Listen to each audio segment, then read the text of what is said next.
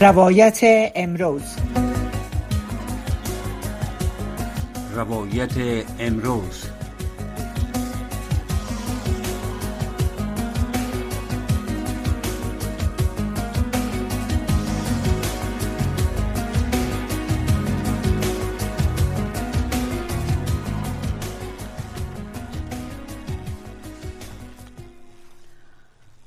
شنونده عزیز رادیو آشنا صدای امریکا سلام و وقتتان بخیر. امیدوارستم در هر کجایی که هستین صحت و سلامت باشین و اولین روز سال دو را با خوشی و صحتمندی آغاز کرده باشین. البته سال نو بهار نو را با یک یک شما عزیزان که همین اکنون شنونده برنامه روایت امروز هستین تقدیم می‌کنم و با امی امیدواری برنامه روایت امروز را آغاز می‌کنیم. برنامه امروز ما را ما اختصاص دادیم به صحبت در مورد تجلیل از روز نوروز و اولین روز سال 1402 تحت حاکمیت طالبان و اینکه با چه ممانعت های زنان در افغانستان مواجه شدن.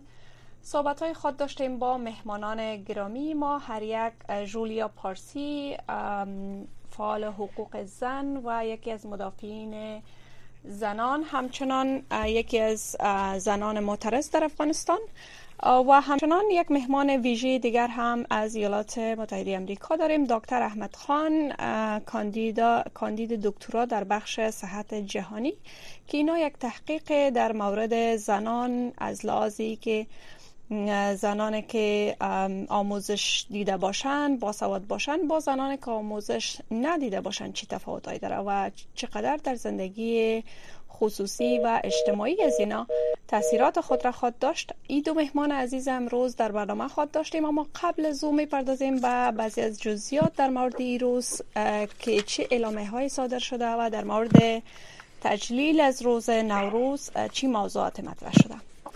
خب کاترین راسل رئیس اجرایی مؤسسه صندوق بچه ملل متحد برای حمایت از کودکان یا یونیسف در آستانه شروع سال تحصیلی در افغانستان. از وضع ممنوعیت طالبان بر آموزش دختران در افغانستان اظهار تاسف عمیق کرده.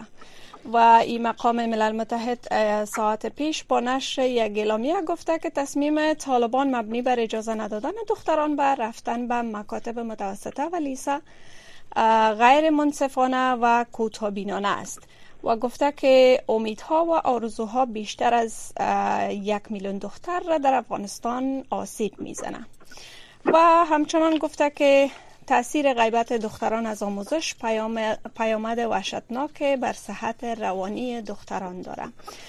یونیسف همچنان از مقامات طالبان خواسته که به دختران اجازه دهند که به طور فوری به مکاتب برگردن و حکومت طالبان البته همگی شاهد هستیم که ماهای پیش گفتن که باید زمینه مساعد شود برای دختران. ولی تا اکنون که تقریبا 19 ماه از حاکمیت طالبان بر افغانستان میگذرد هیچ خبری از بازگشایی مکاتب برای دختران در دسترس نیست.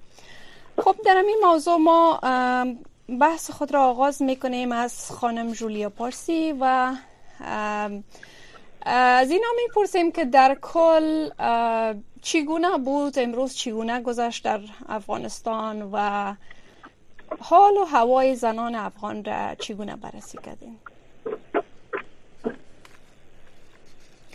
خب فکر کنم که همکارای بخش تکنیک ما میگن که تماس جولیا جان در حال وصل شدن است. پس ما برمیگردیم و در ابتدا دکتر صاحب احمد خان را به برنامه خوش آمدید میگیم. نوروزتان مبارک. سال اولین روز سال نو مبارک. و دیگه ای که در کل در مورد تجلیل از این روز چی فکر می‌کنن؟ سلام علیکم. با شما هم سال نو مبارک میگم و همچنان برای تمام شنونده های عزیز پروگرام رادیو شما سال نو برشان تبریک میگم. خب امروز سال نو امرا با سالهای گذشته یک چیز متفاوت است که امروز ما خبر خوش از رفتن دختران با کار و مکتب و پانتون نداریم. وقت باشه برای همگی سخت تمام شده. بله. خب شما خودتان کاندید دکترا در بخش صحت جهانی هستین و بیشتر در مورد آرتیکل و یا مقاله را که شما نوشته کردین در مورد زنان و دختران در کشورهای در حال انکشاف که افغانستان هم یکی از اون کشورها است مقاله تان نوشته کردین و تحقیق انجام دادین. به نظرتان بیشتر در مورد از صحبت بکنین که چقدر آموزش و تحصیل دختران در زندگی شخصی و زندگی اجتماعیشان چقدر رول داره؟ خب در, در, در مجموع در تمام ممالکی که دخترها به کار و به کار و تحصیل دسترسی داشته باشند کار خوبی است. و در ممالک غریب یا در ممالک در حال رشد که باشند به مثل افغانستان و دیگر ممالک که آنقدر دختر خانم ها و خصوصا در افغانستان در شرایط فعلی خو هیچ دسترسی به تحصیل ندارند اما در مجموع در سالهای گذشته تا اندازه دسترسی داشتند خب اگر ما برای دخترها یا دختر خانم ها زمینه تحصیل برایشان مساعد بسازیم و آنها تحصیل یافته شوند و در مجموع کار پیدا کنند و یعنی از نظر مالی و اقتصاد در در در فامیل در جامعه یک صاحب یک موقف و جایگاه باشند. تاثیرات مثبت را همچنان بالای صحت خودشان و همچنان بالای صحت خانوادهشان داره در مجموع ما یک دو مثال را می‌خوایم برای شما بگویم. یک مثال از در در در بنگلادش. به طور مثال ما اگر ببینیم در سالهای 1970 فقر و بیچارگی در در بنگلادش نفوسش در حدود 80 درصد از نفوس بنگلادش تحت فقر و بیچارگی زندگی می‌کردن. وقتی که بنگلادش به خانم ها زمینه تحصیل مساعد کردن زمینه کار برای خانم ها مساعد کردن باز بر از ارقام خود را که در سال 2016 دیدن دیدن که در حدود مردمایی که در زیر تحت فقر زندگی می‌کردن گرافش به 24 اشاریه سه فیصد پایین شد. یعنی در حدود در حدود 56 56 فیصد امو فقر و بیچارگی در بین مردم کاهش یافته. و همچنان بعضی از بعضی از تحقیقاتی که درباره مرگ میر اولادا نزد خانم های که باسواد هستن امرا با خانم هایی که باسواد نیستن به شکل مقایسوی که دیدن دریافتن که خانم هایی که باسواد نیستن در حدود 32 اشاره 4 فیصد نزدی خانم ها امکانات مرگ میر اولادشان یا اطفال خردسالشان هستند اما بل در, در مقایسه امرا با خانم هایی که با سواد هستند ما اگر مرگ میر اولاد نزد آنها ببینیم در حدود 20 اشاره 9 فیصد است. و در مجموع وقتی که خانم ها با کار و تحصیل را پیدا کنند همچنان دسترسیشان به خدمات صحی بیشتر می شوند یکی از تحقیقاتی که فرضاً در پاکستان صورت گرفته بود نزد خانم ها اگر ما چانس دسترسیشان به کار و آموزش به طور مثال اگر یک درصد ما بلند ببریم در خدمات دسترسیشان به خدمات صحی در حدود ده فیصد بیشتر میشه. این همه از نقاط بسیار زیاد مثبت و مهمی است که در مجموع در در زندگی خانم ها تحصیل و کار به میان آورده می‌تونه بله. خب برمیگردیم فکر می‌کنم که خانم جولیا پارسی را به برنامه داریم. ابتدا خوش آمدید میگیم. نوروزتان مبارک سال نوتان مبارک. در کل میشه روی موضوع تجلیل از نوروز صحبت بکنین. چگونه تجلیل کردین؟ تحت حاکمیت طالبان و چی احساس داشتین که برای دومین سال است در کل مردم افغانستان و بیشتر که میله ها و مراسم اینچنینی بیشتر مربوط خانما در افغانستان میشه. تحت حاکمیت طالبان نمی‌تونن که آزادانه تجلیل بکنن. چی احساس دارن؟ با درود سلام. شما بخیر و سال نوی چهارده سوجور و تمامی هموطنهای عزیز تبریک و تهنیت عرض می دارم خدا کنه که سال پیش رو یک سال خالی از جنگ و خالی از سالت باشه. تشکر. ما این سال سال دوم است که در افغانستان قسمی که سالهای قبل باید سال نو تجلیل می‌کردیم که متاسفانه نتونستیم و حکومت طالب هم در اکثریت ولایت ها مکتوب دادن که مثلا سنت شمال که شما اجازه تجلیل سال نو ندارین و باید شد که ما مثلا پنهانی سال تجلیل کنیم خوشبختانه دیروز ما امروز ما برنامه سمنک گرفته بودیم. و سفره افسین داشتیم با تعداد از دخترهایی که در جنبش ما از فعالیت می‌کنن. ما از سال نو قسم پنهانی تجربه کردیم. ولی در کل در افغانستان سالهای گذشته او جوش و خروشی که قبلا بود مردم بر سیر و سیاحت به کوها و به تفریگاه ها می رفتن امسال اوطور یک چیز نبود. بله. امروز رخصتی هم نبود و همه گیره با وظیفهشان خواسته بودن. طبق معمول مکاتب پسرانه هم شروع شد. که امروز روز دیخان به حساب فردا روز دیخان است. این هم از تقویم عصر و رخصتی نیست و مردم طبق معمول به وظیفه های خود می روند بدبختانه که طالبان به فرهنگ و رسم و رواج مردم افغانستان احترام قائل نیستن و اونا فکر می‌کنن که نوروز از نگاه دین اسلام آرام است در حالی که زنده شدن تربیت به دین اسلام ربطی نداره و این مردم به خاطر از این می‌کنه که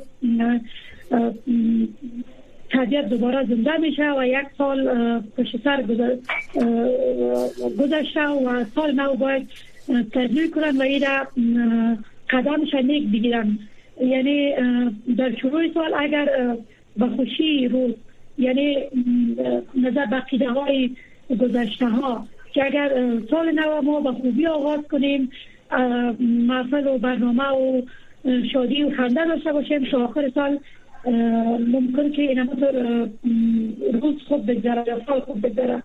ما ما روز هم سمنک داشتیم هم سفره از افسین داشتیم.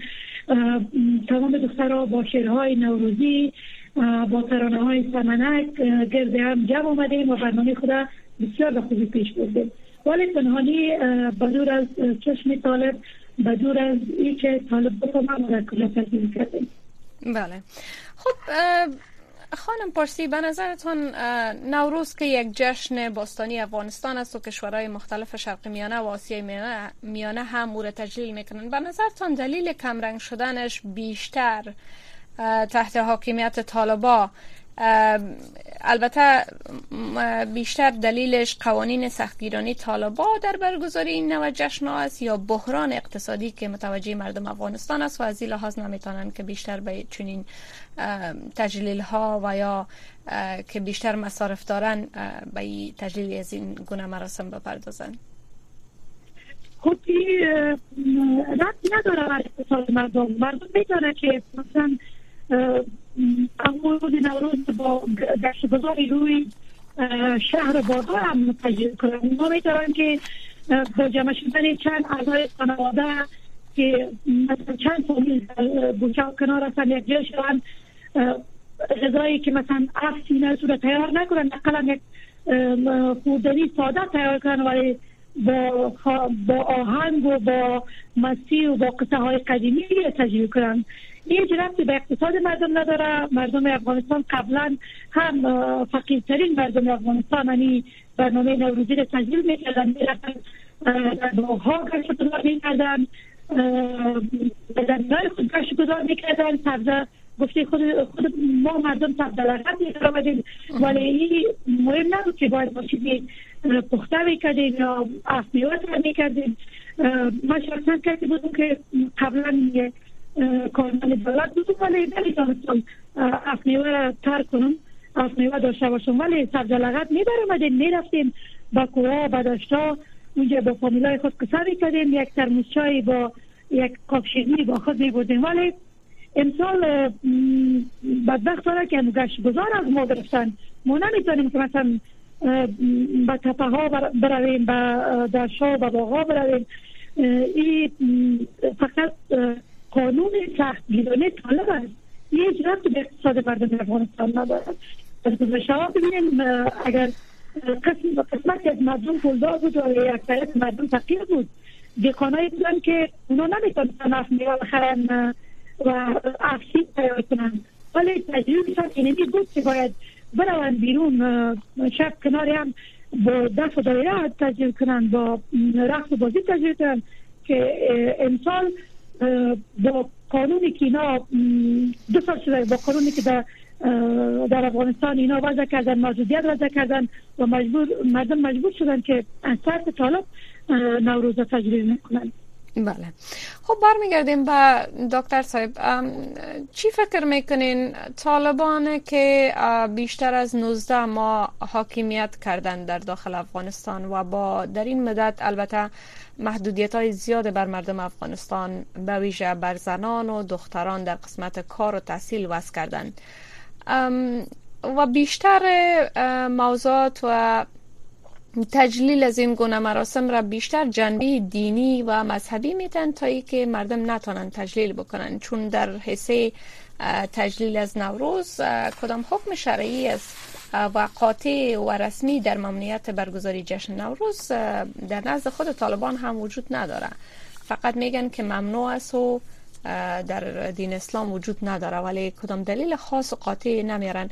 به نظرتان طالبان چی می‌خواین؟ با این گونه کارهایشان آیا واقعا ادامه حاکمیت خود را در افغانستان می‌بینن یا اینکه این با محدود ساختن مردم در حقیقت آیا فکر می‌کنن که این گونه حاکمیتشان دوام میاره؟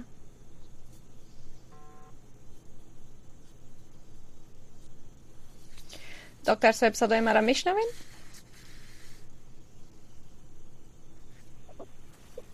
هلو بله خب سوال مرا گرفتین دکتر صاحب بله من سوال شما را گرفتم. خب بله. در مجموع از نظر شخصی ما دیگه. به نظر شخصی ما هر چقدر که مردم از دولت دوری پیدا کنه با مو اندازه به ضعف دولت تمام میشه. بهتر یعنی نظر شخصی ما بهتر برای حکومت فعلی کار کنند که تا دست دل مردم به دست بیارن تا برای بقای مردم و بقای ملت مفید تمام شود. بسیار تو شد جواب بله. خب شما تحقیق در مورد زنان کشورهای مختلف انجام دادین و مطمئن هستم کشورهای وجود دارن که با آنکه مانند افغانستان نیستن ولی ممکن مشکلات مانند افغانستان را داشته باشند که زنان و دخترانش بیشتر با محدودیت های در بخش آموزش در بخش دسترسی به صحت و از این گونه حقوقشان محروم باز مانده شده باشند. به نظرتان چی تفاوت داره مردم افغانستان و اینکه با چه رهکارهایی می‌تونیم بیشتر از جنبه آموزش دختران در بهبودی وضعیت زنان در افغانستان استفاده بکنیم؟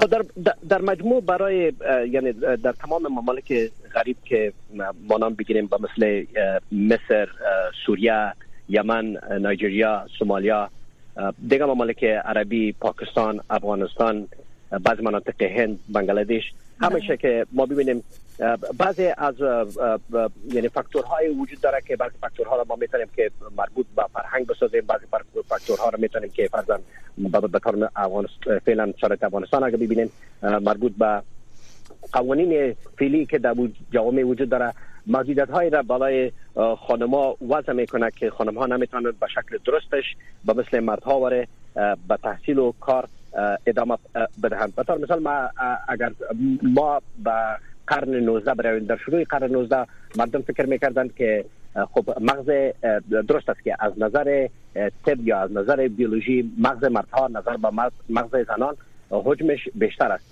در آغاز فکر می‌کردن که مردم که این مغز بیشتر به این معنا داره که مردها نظر به خانم ها لایق تر هستند در ساینس و در تکنولوژی و در ریاضی و در طب بیشتر خوبتر رشد کرده می‌تونن نظر به خانم ها این اینمی رقم فاکتورها به شکل در جامعه جامعه را تحت تاثیر خود آوردن یا آوردن حالا فعلا در بعض مناطق اینمی رقم یعنی نرم های وجود داره که مردم به می هستند که مردها نظر به خانم ها لایقتر هستند در در science و بیولوژی و فرضاً ریاضی و انجینری و نمی‌تونن که خانم ها نظر به مردها در این در این ساحه خوبتر بدرخشند. شما که تحقیق کردین جناب دکتر صاحب چی فکر می‌کنین؟ خب من نمیگم که یعنی فکر است من نتایج تحقیق برای شما میگم که بله. برای که در سالهای بعدیش که مردم ها یعنی علما در این بخش تحقیق کردن که دریافتن. به طور مثال در سال 2013 در سال 2013 یکی از علما 45 هزار سیتی اسکن مرد و زن با هم به شکل مقایسوی آیکیوشان تحت مطالعه قرار دادن دیدن که تفاوت هیچ در در, در مجموع هیچ تفاوت در بین مغز زن و مرد وجود نداره از نظر به که ما با آموزش برویم و همچنان بله. در در در استنفورد در پانتون استنفورد یک مطالعه دیگه را برای مغز خانم ها و مردها به شکل مقایسوی اجرا کردن. دیدن که درست است. در حجم مغز مردها نظر به خانم ها بیشتر است. اما او او قسمت های که که فرضاً حجمش بیشتر می‌سازن نظر به خانم ها او قسمت ها هیچ به تعلق به یعنی به حافظه و process و بله. بله. او قسمت ها مربوط به یعنی receptor های هورمونای جنسی میشه. که فرضاً اون قسمت های مغز که نظر از مردها نظر به خانم ها بیشتر است. او قسمت های مغز وظیفهش این است که فرضاً یک سوال ریاضی چه قسم حل شوه یا فرضاً یک بخش بیولوژی چه قسم فرضاً تحلیل ما بتانیم یا یاد بگیریم. او مربوط رسپتورهای هورمونای جنسی می شود. یعنی این تمام و همچنان بعضی نرم های فرزن فرهنگی وجود داره که در اکثر جامعه که او سبب از این میشه که خانم ها به شکل درستش نتانه به مکاتب و به تحصیل دسترسی پیدا کنند که من از سال فرضاً وقتی که در خانم ها حتی به افغانستان با یعنی اجازه ازی داشتن که به مکتب برن در سال 2019 اگر ما به شکل مقایسوی با پسرها ببینیم در مجموع اندکسش 0.5 4 فیصد است. یعنی 0.5 4 فیصد به این معنا داره که اگر ما یک اندکس یک داشته باشیم به این معنا که یک مرد یعنی یک پسر و یک خانم به شکل مساویانی دسترسی به مکتب رفتن داره مگر متاسفانه در سال 2019 حتی تعداد خانم ها یا دخترها به دسترسی درست به مکاتب نداشتن. همچنان فرضاً شما پاکستان ببینید که هم جوار ماست و در فرهنگ با ما شباهت های بیشتری دارد. اونجا باز بهتر بودن چیز 0.8 دو بود. یعنی باز هم خانم ها نظر به یعنی دخترها نظر به پسرها کمتر به مکتب می‌روند. خب بازم فیصدیش از ما بیشتر بود. مگر فعلا امی گراف ما به صفر است. یعنی هیچ دختر بدون اگر اول تا شش ما منفی بسازیم هیچ دختر به با دسترسی به تعلیم و تربیت در افغانستان نداره که تمامش مثل که شما در آغاز برنامه تانم گفتین بالای روح روان اینجا تاثیر منفی داره و این تاثیرات منفی یک سکل معیوبی در, در, در جامعه به میان آورده می‌تونه. یعنی ما, مکمل کار و زندگی را که یعنی کار که بیشی از پیش منفی بسازیم و قسمت مادی شام از پیشش منفی بسازیم. سر فکر نکنیم بالای خود همی دپریشن یا افسردگی که برای خانم ها فرزن پیدا می شود این تاثیر مستقیم بالای صحت اولادایشان در در آینده می داشته باشه بله. او یک شکل مایوبه را به میان میره او اولادا که باز کلان میشن عروسی که می‌کنن چون افغانستان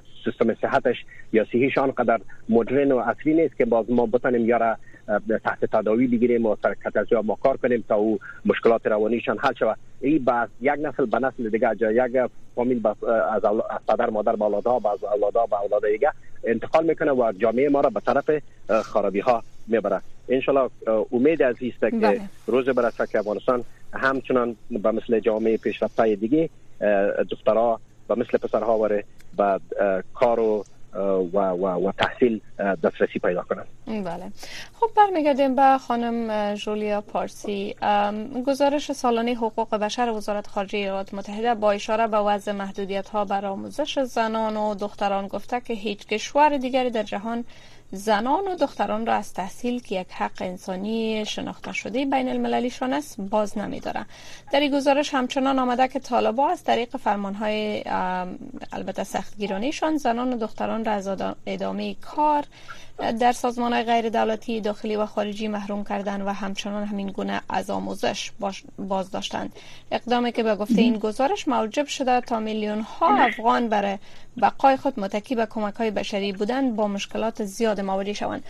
البته سوال ما اینجا از خانم پارسی با توجه به این که در مدت بیشتر از تقریبا 19 ماه از حاکمیت طالبان بر افغانستان جهان در حد اعلامیه بسنده کرده و کدام عمل و یا فشار را که بر گروه طالبان در افغانستان بتانه فشار بیاره و برای از اونا حداقل تاثیر در عمل کردشان در مقابل زنان و دختران افغانستان داشته باشه رونما نشده. فکر می‌کنین که زنان افغان به تنهایی با دست خالیشان و تنها با اعتراض که سر میتن البته که ایره هم ما نمی‌تونیم بدون اثر و بدون مفاد در نظر بگیریم. چون یگانه دلیلی که حاکمیت طالبان به رسمیت شناخته نشده در افغانستان همین صدای زنان بوده تا به حاله. اما پس از این ادامه اعتراض زنان و موجودیت صدای زنان می‌تونه که در حقیقت حاکمیت طالبان را به چالش بکشه. تشکر. قسمی خود با اشاره کردیم اندی صدای برای افغانستان بوده که هنوز طالبا ولی بازم خانما با دست خالی فقط با قلم و با شعار علیه طالبا مبارزه می‌کنن که بدبختانه تا هنوز سازمان ملل جمعی جهانی و حقوق بشر تمام کشورهایی که به موضوع دخیل هستند توجه نکردن در حد یک نوشتن یا در حد یک شعار در حد یک تنبیه گذاشتن این سال باز هم سال جدید شروع شد و مکاتب باز شده ولی از باز شدن مکاتب دختران هیچ خبری نیست در حال که چند روز پیش طالبا اعلام کردن که مکاتب دخترات تا سمت دوزده نظر به شریعت اسلامی باز میشه. ولی باز هم اینا با وعده هایشان وفا نکردن یعنی دروغ بوده. و می‌گفتن که ما نصاب تعلیمی پاکستان جایگزین نصاب تعلیمی افغانستان می‌کنیم و مکاتب آغاز می‌کنیم ولی اینا ما امیدوار هستیم که اگر که زنای افغانستان به تنهایی تا به حال مبارزه کردن که دستان هنوز مردای افغانستان در کنار زنای افغانستان قرار نرسن در هر اعتراضی بله. توهین تغییر ما از افغانستان چیز دیگر نمیتیم ولی خوشبختانه که یعنی اعتراضات ما این بوده که دستاورد بزرگشی بوده که طالب برسمیت شده شده و دومی است که ما تانستیم طالبا را با امی شعارهایی که در روی جاده ها سر میتیم واقعیت شدن یعنی چهره اصلیشان به جهان معرفی کنیم که طالبا هنوز هم همون طالبای 20 سال پیش است. اگرچه در دوها اونا قرار و عهد و پیمانی داشتن که باید با آمدنشان مکاتب باز باشه خانم ها و وظیفه هایشان باشه یعنی برکنار نشون و مردم مثل گذشته زندگی کنه که برعکس شده خلاف واده هایشان عمل کردن بله. و یک جان تشکر به می حالت دوام داره ولی خوشبخت کنه که ما با تنهایی باز هم مبارزه می‌کنیم و این انشاءالله که نتیجه میشه بله. ما با مبارزه خود باور داریم یک جان تشکر. متاسفانه بیشتر از این چون وقت برنامه رو به اتمام است نمی‌تونیم ادامه بدیم. بله. یک جان تشکر. خانم جولیا پارسی مدافع حقوق زنان و یکی از معترضین در افغانستان و همچنان دکتر احمد خان از یکی از ایالت های امریکا که با ما در برنامه مهمان بودن. یک جان سپاس از حضورتان. شنونده عزیز شما در ادامه برنامه با ما در برنامه صدای شما همراه باشید.